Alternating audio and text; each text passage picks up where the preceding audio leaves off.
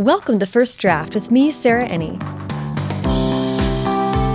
Today, I'm talking to Tracey Neithercott, author of Gray Wolf Island. I've known Tracey for years, and I was so happy to be able to sit down with her and to share her personal story. I love what she has to say about being inspired by unsolved mysteries and real life treasure hunters, how writing shapes our identities, and how she wrote her debut book while dealing with a mysterious and life altering chronic pain diagnosis. So please sit back, relax, and enjoy the conversation.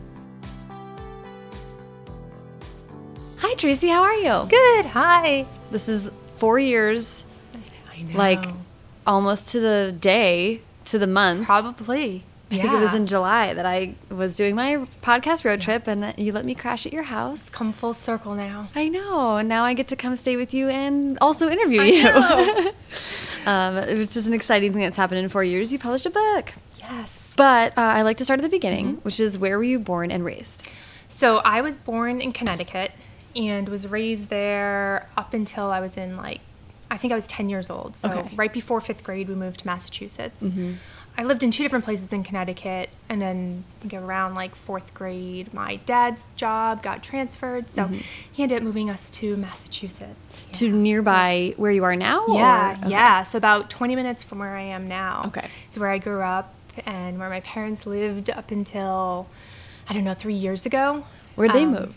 They moved like 20 minutes the opposite direction. so it's all in this little bubble over here. That's awesome. yeah. But then what was reading and writing? How was that like a part of your growing up for you?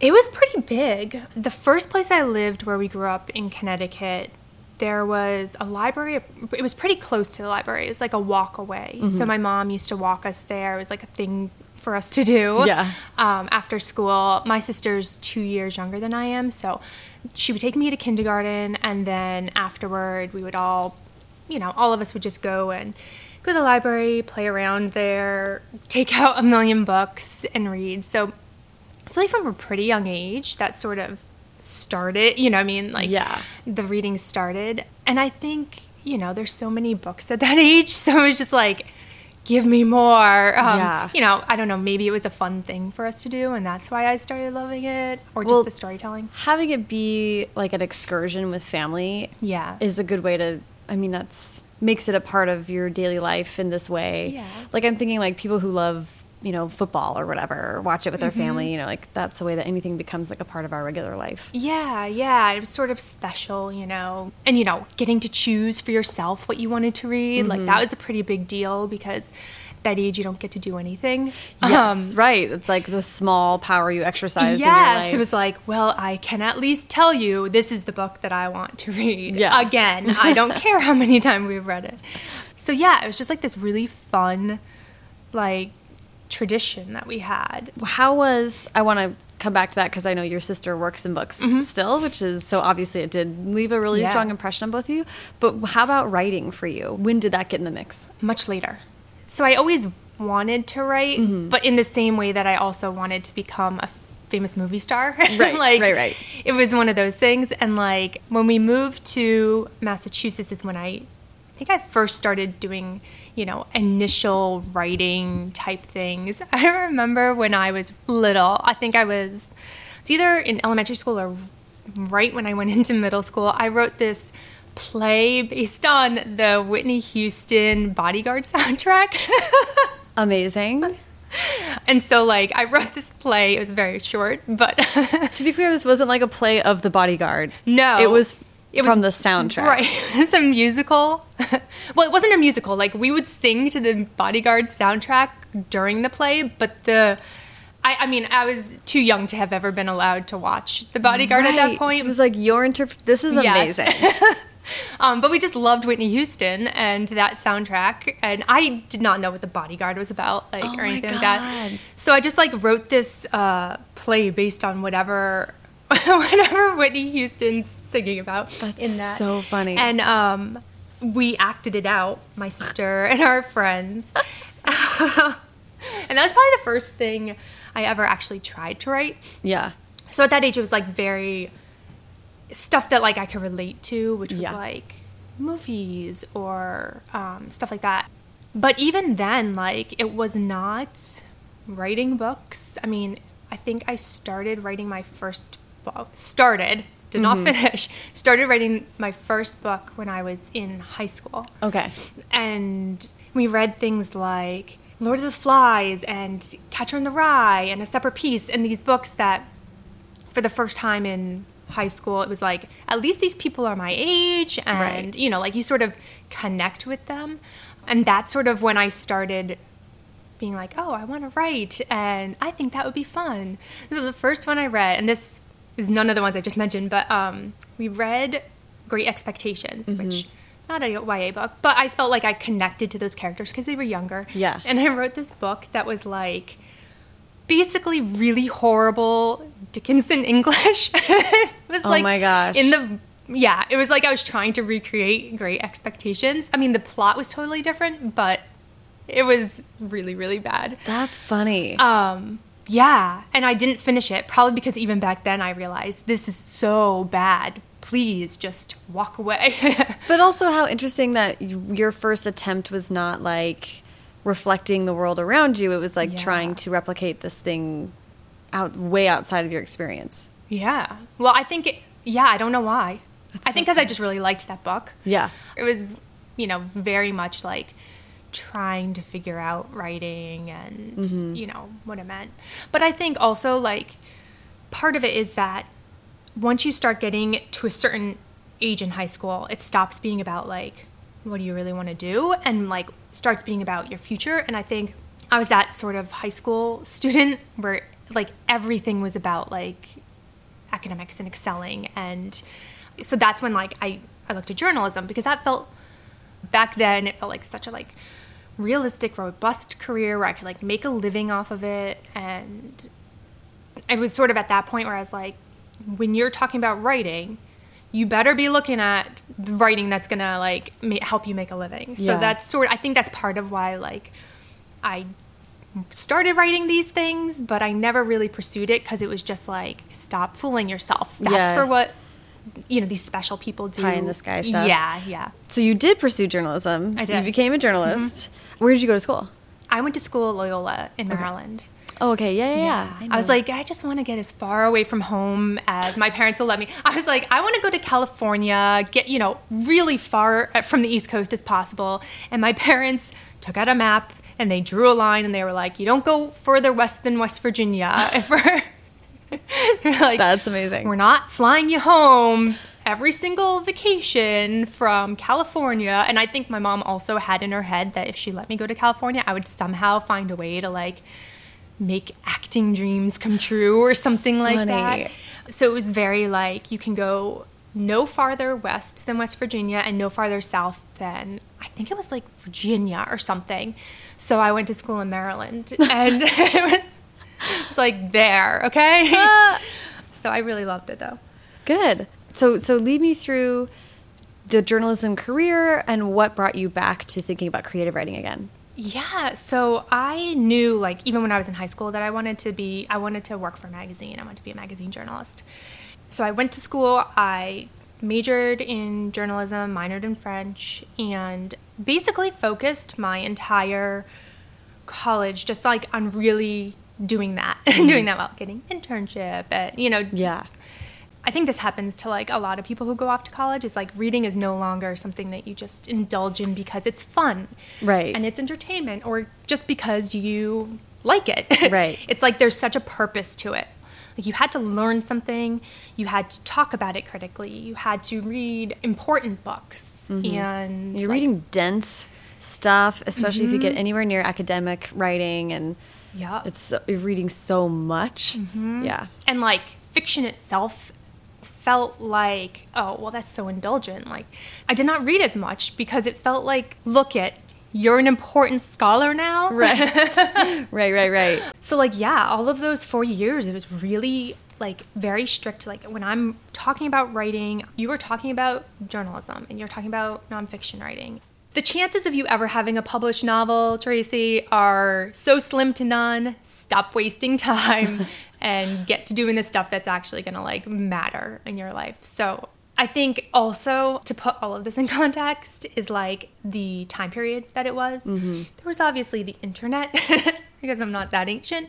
But I think like there just wasn't as much out there. Like, for instance, when I was in high school, it would never have occurred to me to go online and find out how to become published. No, it would never. not have occurred to me because online for was was like for I emming about Dawson's Creek. It was Mm-hmm. not for like finding out how to be published or anything like that. Like there was just not so much knowledge about publishing or you know insider view of it like any of that like there it just was not as accessible at all and Yeah. like yes you could go to the bookstore or the library and like look it up as you would doing you know doing a research paper but it's not easy like i think i want to be a writer google Yeah. how do i become Yeah, a writer late night you know what I mean? Googling Like, out of curiosity is how do you different. find an agent or any of that stuff like Yeah. even knowing what books to look up in order to find out that stuff Yeah. i mean how would you do that nowadays you would go online and look up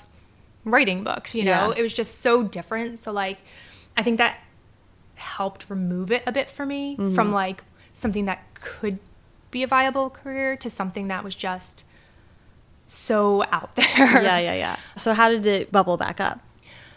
Yeah. So I had, I think it started off by I just had this idea in my head. I had probably for the past like, I don't know, since I was like 19 years old, I had like really bad knee pain. Mm. And it went away for a little bit, like when I was in college. But then right around the time I moved to Maryland, it started coming back pretty bad. And so I was like, oh, wouldn't it be awesome if you could just like cure something, right? So I had this idea for this book where this girl met some boy who had the ability to heal, et cetera, et cetera. And so, like, I sort of pushed that away because, you know, who was I to write a book? Mm-hmm. And then more and more, it just like would not leave my head. And at that point, I was commuting to and from work. So I was on the metro twice a day, mm-hmm. doing nothing but thinking. And it just like kept building my head. So I was like, okay, fine. You can like look a little bit at what, you know, what's online. So I started just looking at things like, how do you go about getting an agent and how do you get published and all of that stuff. And I stumbled on some YA writer blogs and I found the blog of this woman who was unpublished, unagented. She's so funny. And I just started reading this blog every day. And it was really just chronicling her journey, you know, writing books and trying to get an agent. And mm-hmm. over the course of reading this, she got an agent and she sold a book. And Who was it? Kiersten White. Ah, Yeah. Yes, And she was one of the earliest ones for me too. Yeah, and she just like didn't seem to have any, you know, she wasn't like this really special person who had, you know, Well, she made herself very accessible. Yeah. It was like this is a normal person who's just putting in the work. That's the only difference between her and me. yeah. It felt like something like I could do. For the, that was like the very first time I ever remember thinking like maybe I could, you know, Yeah. because you just see like she's literally just every day Yeah. working at it and So like you you were doing some of this research before you even started writing. Yes. Oh, that's so I needed to I was like I I just needed to be prepared. And I also just like wasn't fully sure that I could do it Mm-hmm. and I I think I just needed to like I mean it was a lot of procrastination. Mm-hmm. At the time I didn't know it. I thought it was just like learning, Right. you know? I mean, it was both. Yeah, yeah. That's really when it happened. Like at that point in my life I was like, okay. I feel like maybe I could try. Yeah, yeah, and that was like what around 2010, I think is. Yeah, somewhere around there. writing? Yeah. That's or like exciting. yeah, 2000 I think it was like November. I didn't know about Nano at that point, Mm. but it, it happened that I wrote my first book the November like 2009 around that time. In a month? Yeah. yeah. I'm not it's like the the experience with that book was like the complete opposite of how I am as a writer now Yeah, that's so Um, interesting. super fast, no outline, horrible revision, like just totally flipped. But I think I just needed to like get it out Yeah, and then learn my process. yeah, Um, yeah, yeah. Plus, it had just been like in my head for so long. I was gonna say it was doing a lot of the work not on Yeah. the page. Just Yeah. So you you think you're ready to try, then Mm-hmm. you start writing a book in one month. Where, but you had already done that work about actual publishing, so you knew Yeah. you wanted to be serious about it. So how did you? Where did you go from there? I needed to like revise very heavily because it was horrible. It was like really, really bad. It was like 50,000 words. Not because I thought a YA book was 50,000 words, but because I just drafted so short.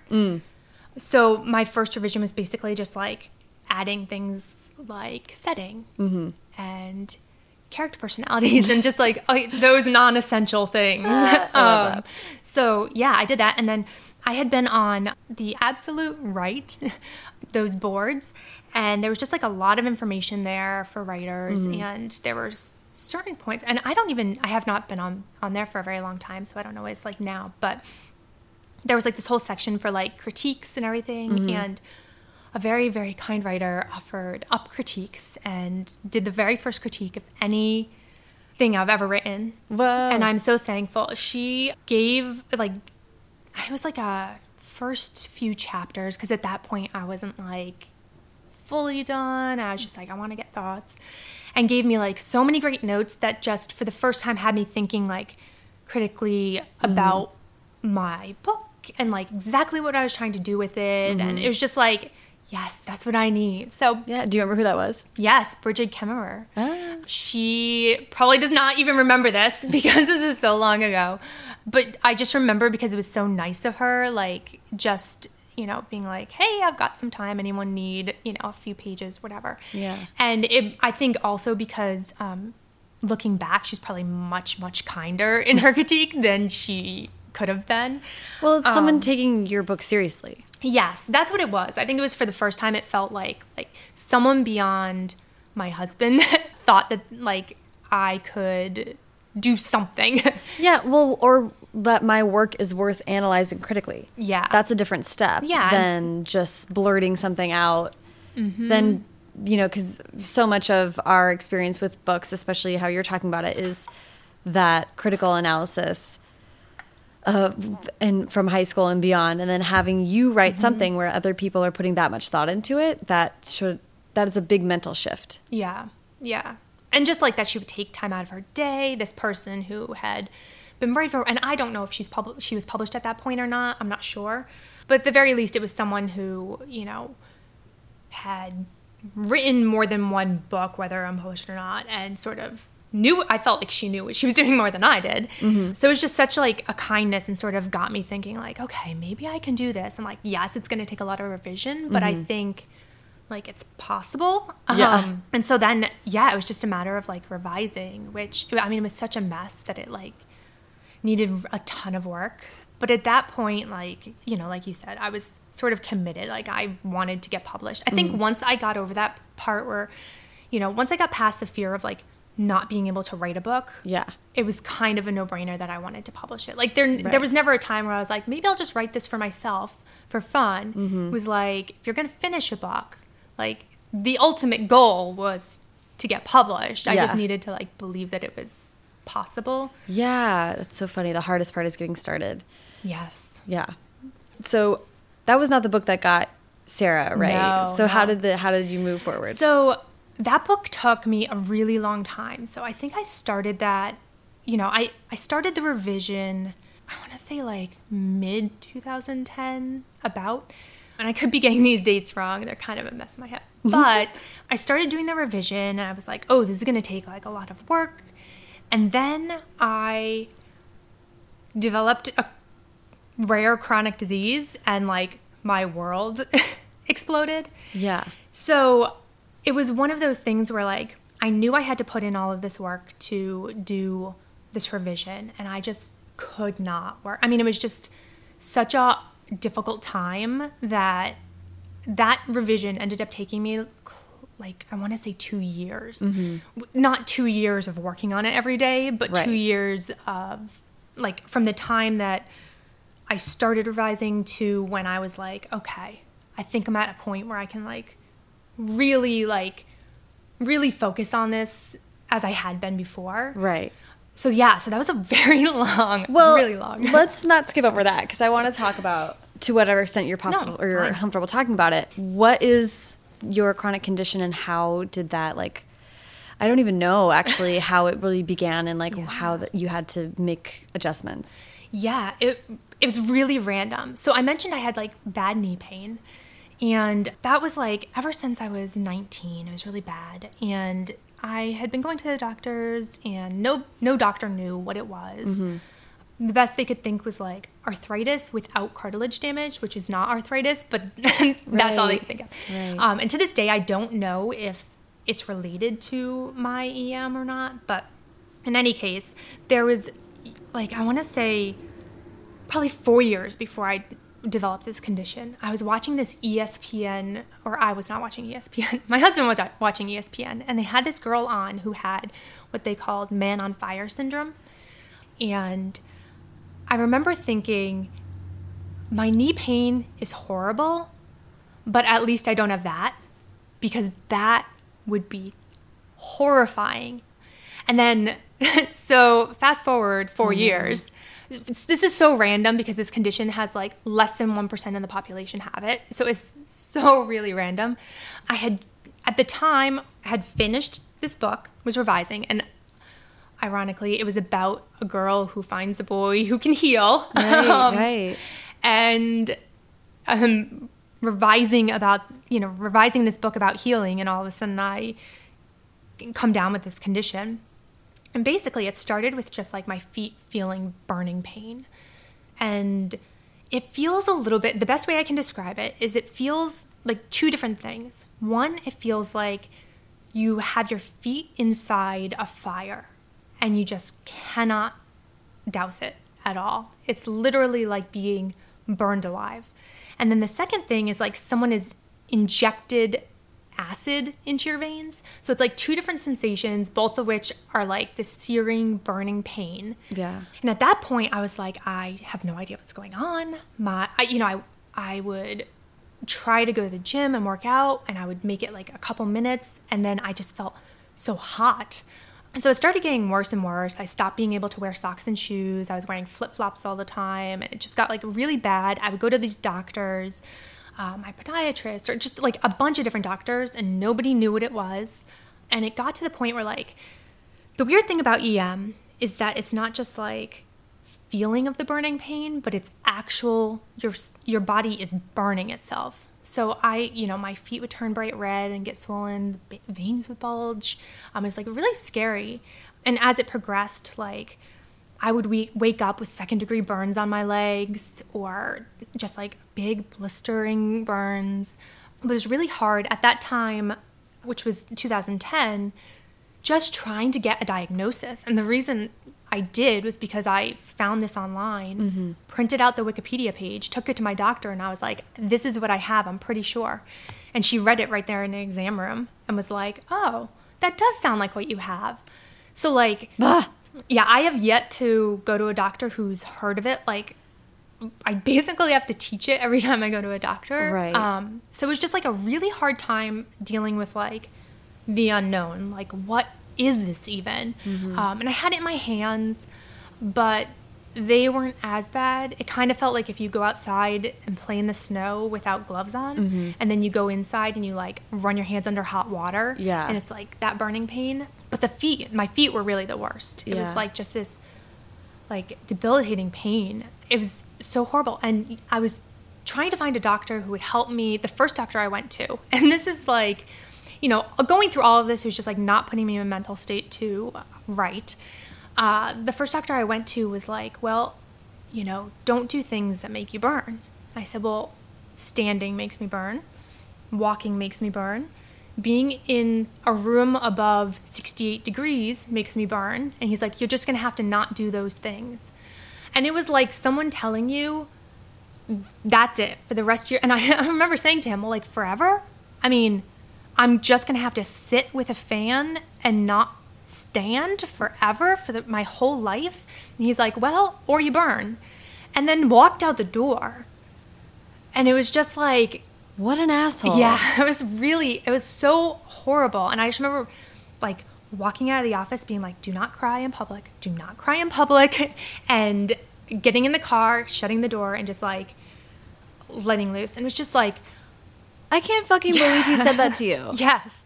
That makes me livid. yes. It was like, I was, I think I was too upset to be pissed off. Well, Um, yeah. How are you supposed to react in the moment when someone just just like that's it. That's, you know, and like my hands were burning at the time and I started getting really worried that like, they were gonna get like my feet and like it makes sense like if you think of the way if you think of like a blood rush right if it's like a really hot day and your mm-hmm. hands get a little swollen and hot yeah. yeah. but you can like put them above your head mm-hmm.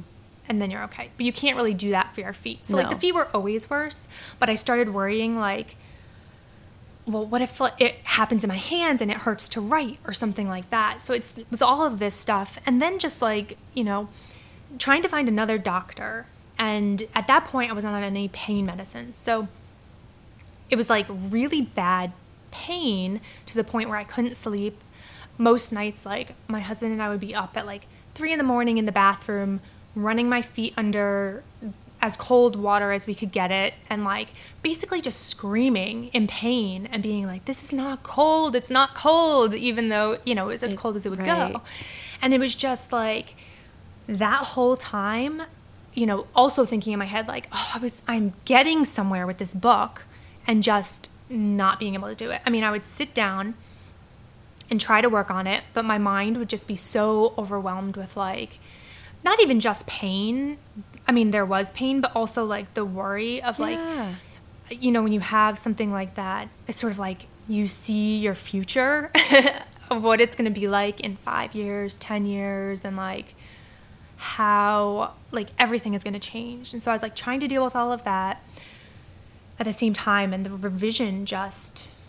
Well, did, and didn't you also move at that time? Yeah, we ended up moving a couple years later. I, I started working from home at my job um, because it was like too hot. It was like winter time and they had the heat going on in there, and I was just like, cannot do it. So um, I was spending most days like standing barefoot in the snow, and I was like, this is probably not the best. So Right.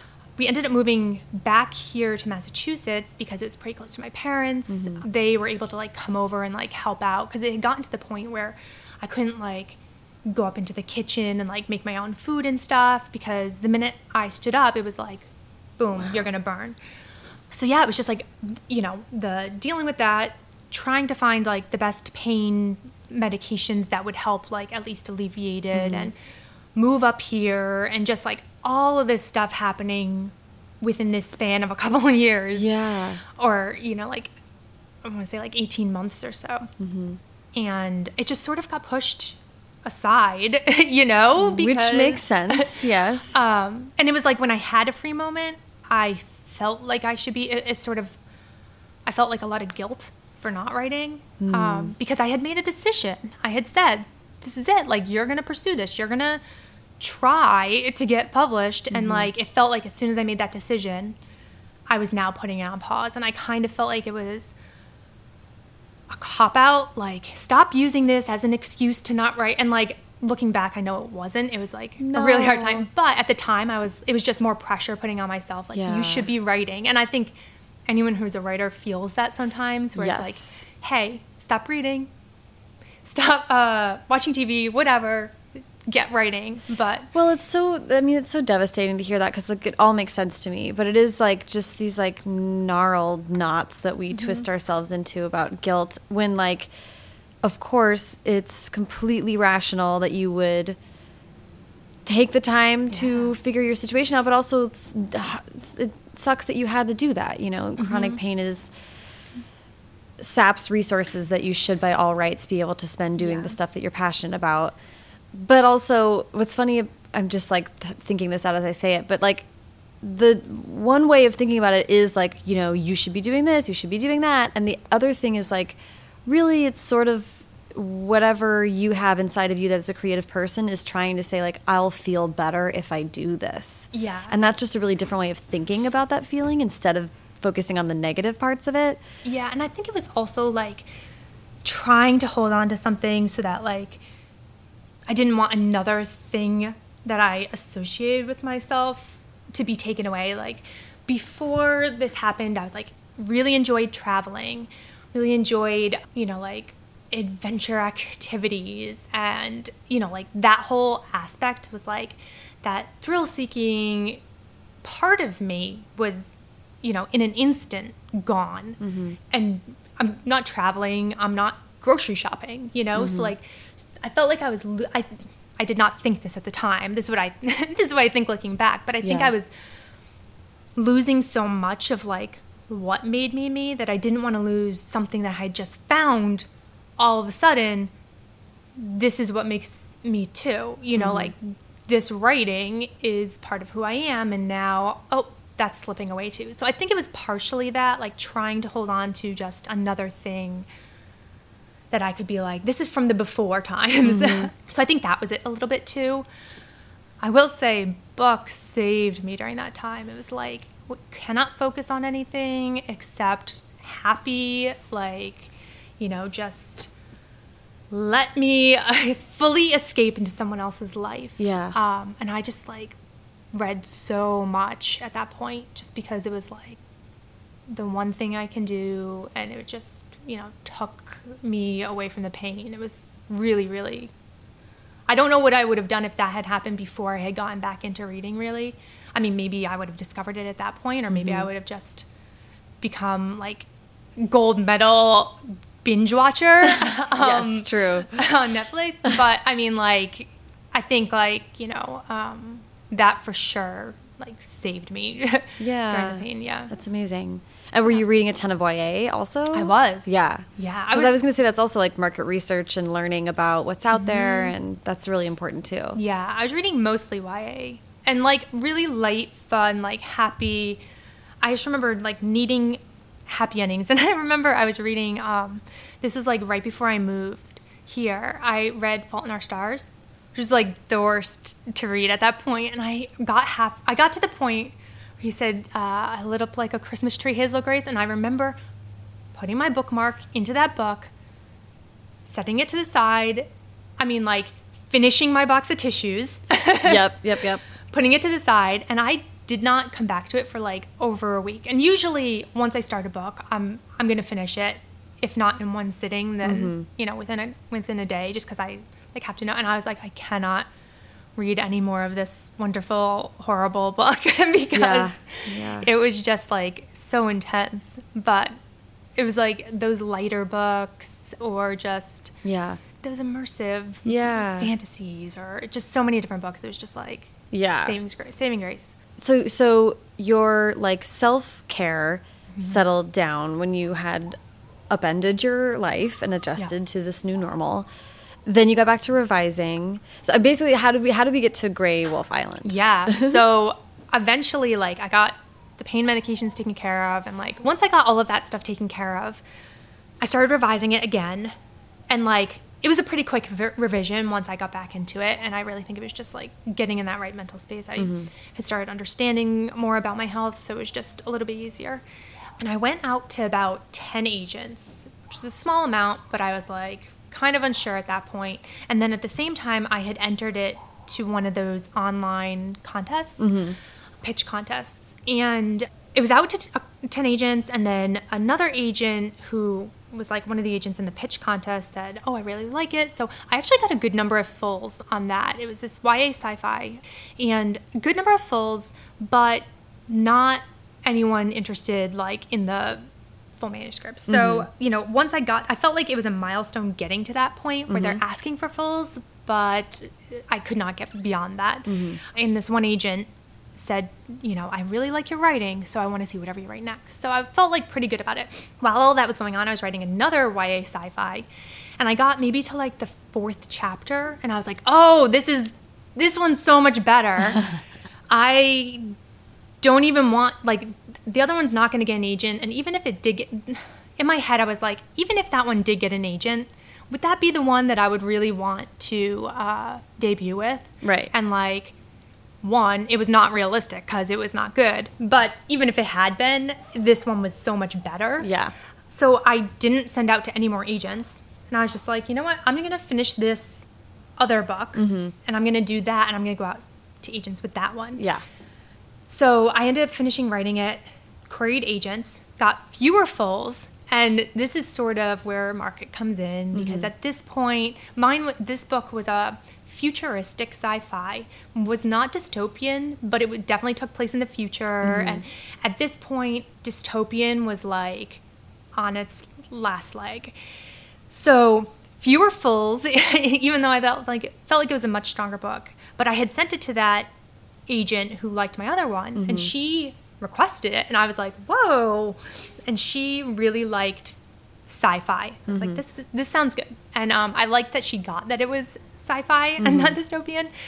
And she ended up offering that's Sarah, my current agent. Sarah LaPoya. Yes, Is it LaPoya? I always say La Paula. I think it's Sarah LaPaula. Got it. That's Sarah LaPaula. Um, and she offered, and we went out and sub with that book.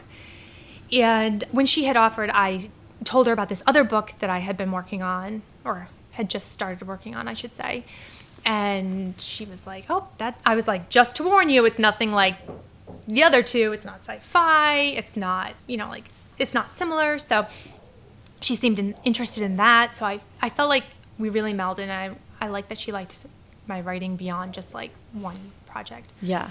So we went on submission with that, and I wrote Gray Wolf Island in the meantime. Mm-hmm. Then you'll, you're going to see a trend because I was like, you know, she was like, okay, I think it's time to send out to another round of editors. And I was like, how about not? I was like, I like the book that I just am writing right now much better. I think you will too. I don't want to like submit this other one anymore. I like let's just deal with this one. And thankfully she was like, "Sure, show me it and we'll go from there." Yeah. So I just like finished writing and revising that and sent that to her. But I feel like yeah, other might be a quitter. I'm, no. um, or I've got a gut for it, but yeah, it was just like, you know, one after the next after the next sort of kind of trying to trust Trusting your instinct and getting better. I mean, that's not a bad thing at all. Um, and I think when you write something that's so much better, you know. You just know. You want to put your best foot forward always. So, Yeah. Yeah, I think that's a good call. Yeah, Um, and like if you think of it as like this is the first book of mine that's going to ever be out, I just felt like oh, I wrote this next one. That I would rather be Mm-hmm. out with. That one I could, and I think it could get into a bad situation if you continue to do that always. But I Right. think knowing like how significantly it jumped, and it was only the third book I had written, so I feel like each time I was writing a new one, it was like much greater leaps and bounds yeah, yeah. versus like if this was like the 10th book the difference between the 10th and 11th book that i write Hopefully Yeah. not as bit right, right. Yeah, I definitely know what you mean. Yeah, the first and second and third and fourth. I mean, those were the books that you make Yeah. huge strides. You go to college, right? Four four years, four books. So, so let's talk about Gray Wolf Island in mm-hmm. in more a little bit more specific. So, do you want to give the pitch for that book? Sure. Gray Wolf Island is about five teens who head off to this mysterious island off the coast of their fictional Maine town. And they are there to search for a legendary treasure. And it's told from the point of view of Ruby, whose sister was obsessed with the Gray Wolf Island treasure and who passed away. So now she's trying to like she's trying to fulfill a promise to her sister by finding the treasure for her.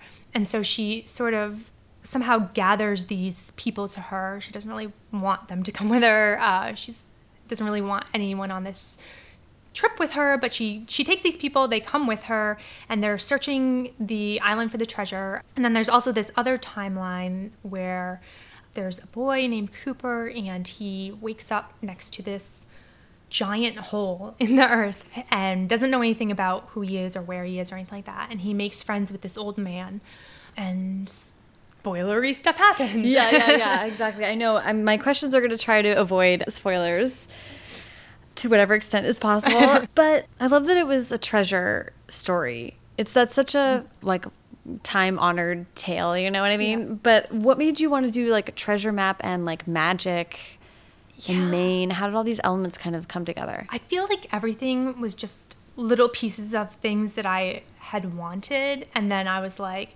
put them all in the pot and stir. Mm-hmm. Like I had been wanting before, you know, even coming up with the plot. I had been wanting to write a story about friendship mm-hmm. because I always say it's about a treasure hunt, but like I, I personally don't really think it's about a treasure hunt. Mm-hmm. I think it's about like friendship. And so that was that was like the very beginning of the idea. And then I've been watching like Stand By Me one night and I was like, oh, that's the friendship story that I've been wanting to tell, where you just have like these like really important friendships at a young age where they're just like really meaningful. And I, there's this scene in Stand By Me where they've just had this like boy gross out storytelling time at this campsite and they're being typical, you know, little boys being gross and stuff. And then what happens right after is that they had this pretty adult moment between two of the characters where they're mm-hmm. talking about real life issues and just like this being judged and just like all these really pretty adult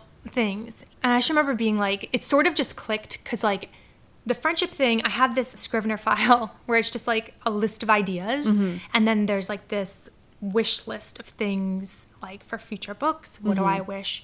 And the friendship had been sort of at the top of that list for a while, but I remember when I wrote the YA sci-fi before Gray Wolf Island, it just like didn't really fit in, mm-hmm. and I, I had had it there, but I just hadn't found the story. And it wasn't even like Stand By Me was a story, but I just felt like so connected to that moment and that type of friendship that I was like, oh my goodness, this is this is what I have to write next. So that happened. Unrelated. About the same time, the History Channel started the show, or I don't remember if it started this around that time or if we just discovered it around that time. Yeah. But there's this show, um, The Curse of Oak Island. I don't know if you've ever seen it. I listened to this podcast called uh crap, I'm gonna forget the name of the podcast. Anyway, which is about like all these unsolved mysteries and stuff. So I listened to their like multi-part series about this. So I'm very excited that this is what drew you to writing that because I'm I was obsessed with it. it's fascinating. Yeah. Like uh, my husband started watching it, and then I was watching it, and the, basically, I, I won't talk about it as if anyone else knows what it is. But Yeah, yeah, basically, explain it. Oak Island is a real life island off the coast of Nova Scotia.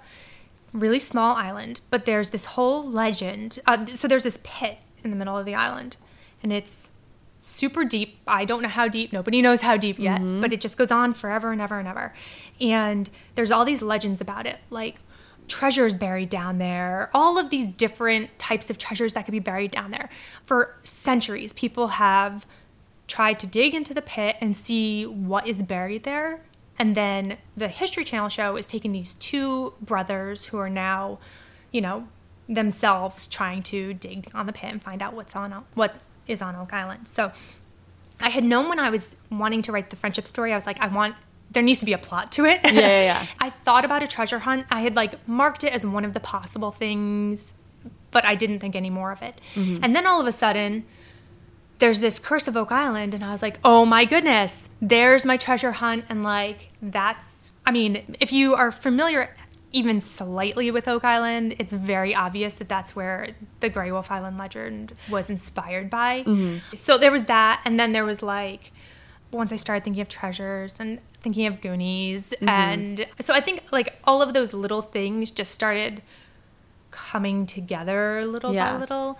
And there's the other part of it is um, there's a treasure map, and Forrest Fenn is a re- another real life human who is he was this antiquities dealer and he buried a treasure and Oh, yeah. he created a poem he buried it somewhere in like the New Mexico desert or something like that. And Mm-hmm. he created a poem, and in the poem were clues to where that treasure was buried, which nobody has found to this day. I can't believe this is real. Yes, I so you this. too can uh, possibly hunt it. So it's out there somewhere, and people are still looking for it. And I was like, that's so clever. So that's sort of where the idea for the poem map came from in the book.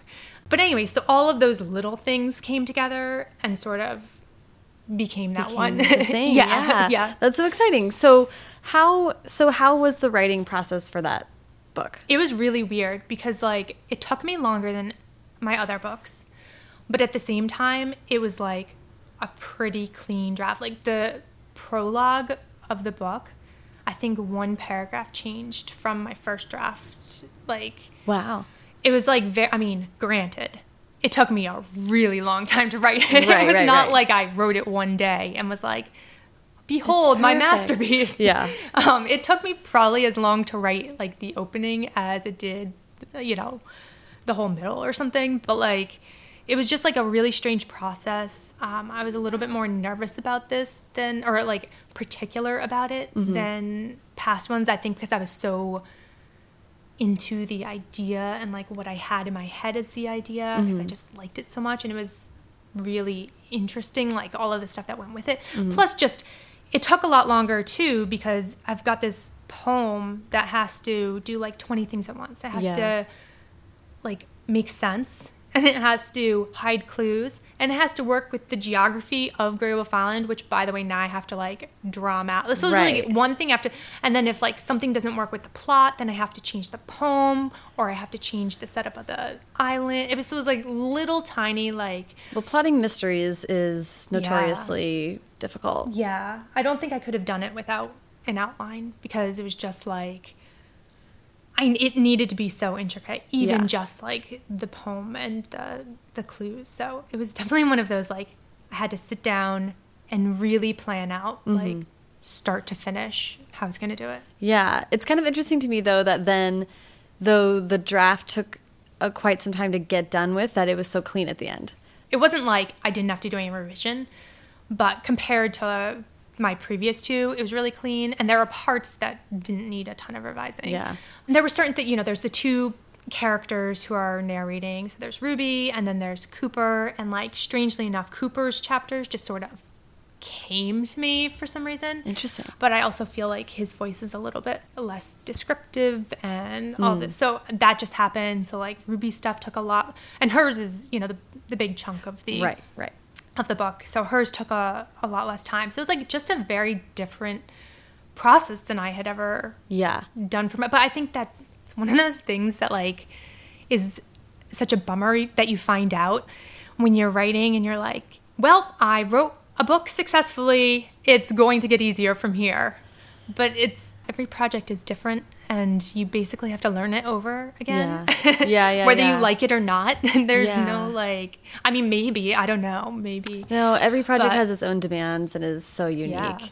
So, I do want to talk. We I only have so many questions left, but I do want to talk about, if you don't mind, like the recovery process that you found, mm-hmm. and then also your process of writing this book, because it's been.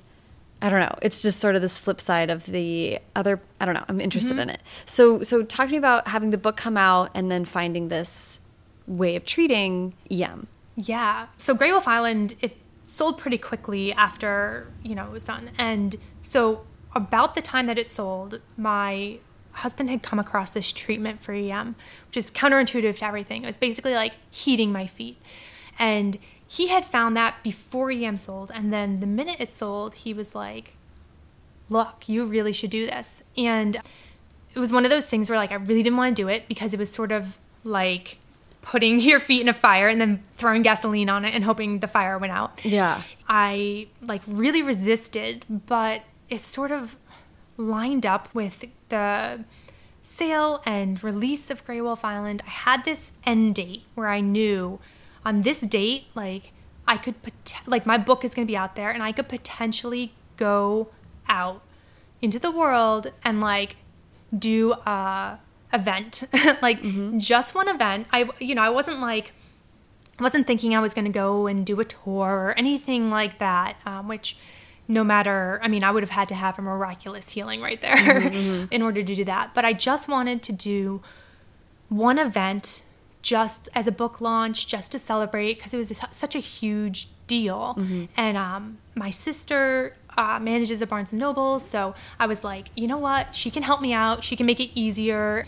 I didn't want to be that, you know, diva author being like, well, I must have it 68 degrees and Right. nothing more. You know what I mean? But like, I knew she would understand and I wouldn't feel like a bother Yeah. to ask those things. And so I sort of had that end date where I knew like, if this treatment works, maybe then I could do this. So I started doing the treatment and it was like, I mean, I don't want to say it was like night and day because that would mean I was today gonna go walk outside Right, or right, whatever. right. But it was a huge, huge difference where I mean, right now I'm sitting here with you in socks. Yeah. With no fans going, and Yeah. it's like 74 degrees in here. Mm-hmm. And a year ago, I did not even think that was possible that I could do that, that I could put socks on my feet and like sit here and not be like focus, you know what I mean? I could be focusing on you and like, Yeah. you know, just the the pain from when I flare up. The pain is lessened now with this treatment. And so it was just like all of that. And it happened just at the perfect timing. So I was able to do the book event. And it sort of felt like a nice, like, I mean, 2017, not a bad, not a bad year for me. You know, it was just like one of those like icing on the cake. Yeah. I'm not sure which was the icing. I think, honestly, I think the book was the icing on the feeling better cake. But it was just like, you know, re- I think I would have regretted it if I didn't do anything to celebrate the book, if I had no event or anything like that. And if I didn't do the treatment, I definitely wasn't going to. So, I mean, it just feels nice. like poignant to me in this way that like a book was like a this part of a healing process for you on so many other levels. Mm-hmm. Yeah. Like, yeah. it's amazing. And I will add another level to that is when I'm doing this treatment, I, you know, now I've gotten to the point where I can handle the pain and I think that my pain tolerance just increased. But at the time, I would have to, you know, soak my feet in really hot water. And it was like really hard to do and like really painful. So I would like open a book and I remember the first one that I read while I was doing it was like when Dimple met Rishi and I just like opened that book and I was like be adorable and take my mind off of this and it was and I ended up just like reading during those 30 minute soaks and you know having books do that again like transport me somewhere else and I mean yeah That's amazing. yeah I mean, it's nice to be reminded sometimes, like, writing can feel kind of selfish or self indulgent Mm-hmm. sometimes. And it's nice to be reminded, like, oh, the end result, even if it is something that's just meant to take your mind off something for a while, that's Yeah. still, like, so hugely important. Well, and that's how I feel about like, um, you know, people will call them like beach reads or like, you know, there's nothing to them. They're pure fluff books like that, and I think they get a bad rap. Like, oh, you know, this this book has no literary merit or Right. whatever. But let me tell you, if you're writing a book like that, for someone who's sitting there in pain and unable to like think because of mm-hmm. it, that book is way, way more than just like fluff. It's Yeah. like a lifeline. It's like, you know, transporting you, but also, you know, I, I- just think we hear that especially with like young adult novels. you Young adult, all fiction geared towards women or largely Mm-hmm. written by women. Yeah. Well, this has been amazing. We have, when your next book comes out, we'll chat again. But for now, we have to wrap up. But I like to wrap up with advice. Mm-hmm. So I would love to hear what you, what advice you'd give for maybe advice you'd give for new writers and also advice for maybe writers who are also dealing with chronic pain issues. Yeah. Okay. So for new writers, I feel like this is something that I'll probably have to take my advice multiple times from now until forever is to like really don't let doubt and fear hold you back because I feel like that has sort of been the thread throughout my whole writing journey. Whether it was not believing that I could begin, you can, as long as you can, you know, have a piece of paper or a computer, you mm-hmm. can begin. And then whether you know, then not believing or worrying or whatever that what I was writing was horrible, mm-hmm. probably is, but you can fix it. Mm-hmm. and then, you know, worrying about, I, I mean, like I could list, I could write an entire encyclopedia on worries of, you know, the writing variety. but I think that it's so easy to let that hold you back. And I don't like say that as someone who's like on the other side, like, Right. you know, oh, everything's really great. I mean, I feel like that's something that I constantly, every time I open up the Word document, I have to, or the Scrivener document or whatever, I have to say to myself, like, you know, stop doubting yourself, stop fearing, you know, mm-hmm. you are capable and, you know, especially while drafting, if this is not great, revision exists. Like it mm-hmm. is an actual thing. Yeah. So, you know, I mean, like, I think that fear of starting and fear of being good enough. I think it was actually on one of your previous podcasts where someone, I think it was like maybe Tahereh Mafi said, like the only difference between someone who is published or who has who has hit whatever that milestone you're mm-hmm. looking for, has an agent, is published, is published 10 times, whatever. The only difference is is that they tried for longer. Mm-hmm. And I feel like that I don't know, that keeps me going sometimes where I'm like, you know, you did not get to a point, decide that it's too hard and then give up. If you really have this as a goal, then the biggest thing more than skill, talent, anything, the biggest thing holding any of us back is this fear of failure. And then for writers who have chronic illness, I feel like my biggest tip is that like you have to be able to take care of your health first. And I feel like you hear that a lot. Um, but I don't necessarily mean like you have to have a diagnosis because sometimes that just doesn't happen, or that you have to have a cure because like EM has no cure. Like those things are nice, but I feel like they're not realistic for everyone. I feel like you have to take care of your health first means like do what you need to do. and you know, I, I feel like I was really hard on myself and I think if you are a writer and your dream is to get published and you're dealing with some kind of health thing, whether it's mm-hmm. chronic pain or some other chronic condition or anything, you know, anything related to your health, I think it's easy to be hard on ourselves because that's our dream and it's this thing that's coming in the way of it. But if we don't take care of that or if we don't, you know, give it the uh, attention that it deserves, then we're just putting pressure on ourselves. And that's not doing anything for our writing or for our craft. And also, I think like when you work to um, improve your health, whether that's just like, you know, maybe taking an hour just to read to get away from your mind and like away from whatever your pain or discomfort or whatever. Even if it's just that, like it's going to be putting you in a better place to do that writing, anyways. So, you know, like not brushing that aside as less um, important or more of a distraction because I think they can work together. But yeah, I mean, it's tough, but you can't, I mean, I think you can give up for a little bit. And I think that's, you know, not being hard on yourself if you do give up for a little bit because some things are just, you know, it takes time to work them out. And writing will always be there because, you know, there's no. No one has a watch watching you to find out when you're going to get published. And if you need to take a pause and work out things with your health, then you need to. Yeah. I love that. It's so good to hear that, you know? So it's Well, because I feel like we all set. put like a time limit. We're like, I want to get published Yeah. five years ago. Yeah. Yes, exactly. You start out behind. Yes. But I mean, true. like nobody, nobody one uh, cares. cares. Yeah. It really doesn't matter. We're like, well, you know, it'll come out when it comes out, and you just, you know, make sure you're okay. Yeah. You know, especially mental mental health too. Like if we're talking about like um, chronic illnesses or chronic pain, like mental health is so part of that. Even if a lot of traditional doctors don't necessarily even consider that aspect. So even if you're not being treated for anything like that, or you know that's not even on your radar, it mm-hmm. still plays a huge role. Mm-hmm. And just like being able to pause and like really deal with all of the things that come along with like a chronic illness diagnosis or chronic illness in general, like being able to deal with all of that, I mean, that's so important. And then Yeah. The writing happens a little bit later, Yeah. Yeah. but it can still happen. Absolutely. Well, thank you so much, Tracey. This has been so Yes, lovely. Thank you. Appreciate it. Thanks. Thank you so much to Tracey. Follow her on Twitter at T underscore Neithercott and Instagram at Tracey Neithercott. She's a really good follow on Instagram. And follow me on both at Sarah Enni and the show at First Draft Pod. There are links to everything Tracey and I talked about in this episode in the show notes. To find the show notes, go to firstdraftpod.com, scroll down a little bit, find Tracey's episode. Tons of great stuff there.